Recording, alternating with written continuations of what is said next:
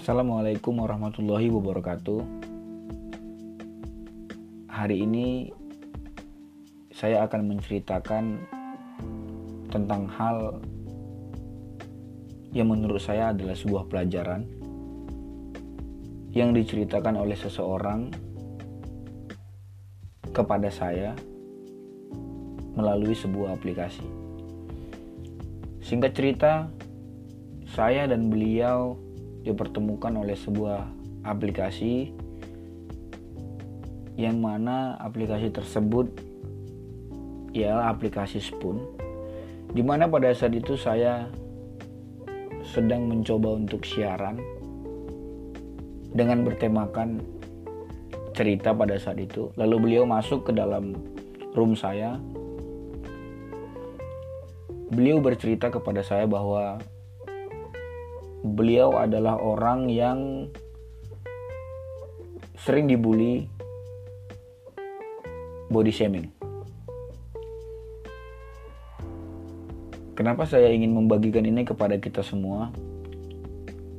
Karena menurut saya ini adalah satu pelajaran yang penting untuk kita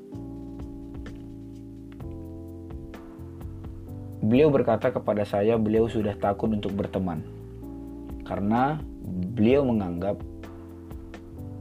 semua orang akan menghinanya. Dikarenakan pada saat itu teman sekompleksnya saja mampu menghinanya dengan begitu dahsyat dari kecil. Tapi yang menarik di sini adalah antara si penghina dengan yang dihina gitu.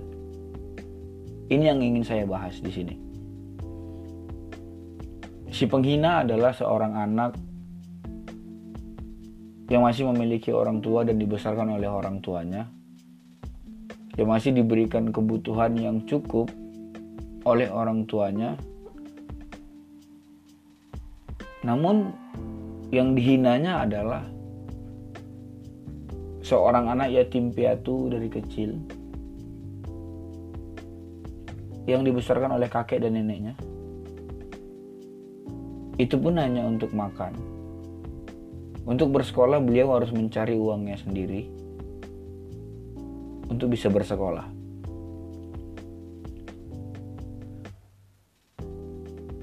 Kenapa saya ingin menceritakan ini?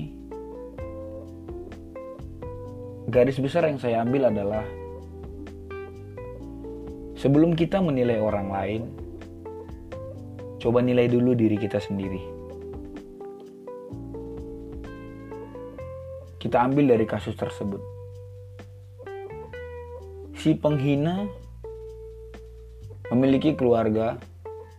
Si penghina dibiayai oleh keluarganya, oleh orang tuanya, bisa bergaya dengan kece. Itu karena keluarganya, itu karena orang tuanya mampu menghina orang yang sudah mandiri dari kecil. Yang ber, yang berjuang untuk sekolahnya sendiri. Tapi dihina sama orang yang manja gitu. Menurut saya ini adalah sebuah hal yang harus kita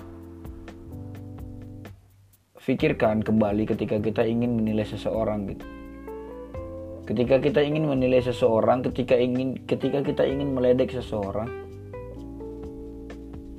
coba nilai dulu diri kita seberapa baik kita.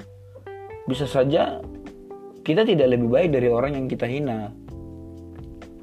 Oleh sebab itu, teman-teman semua,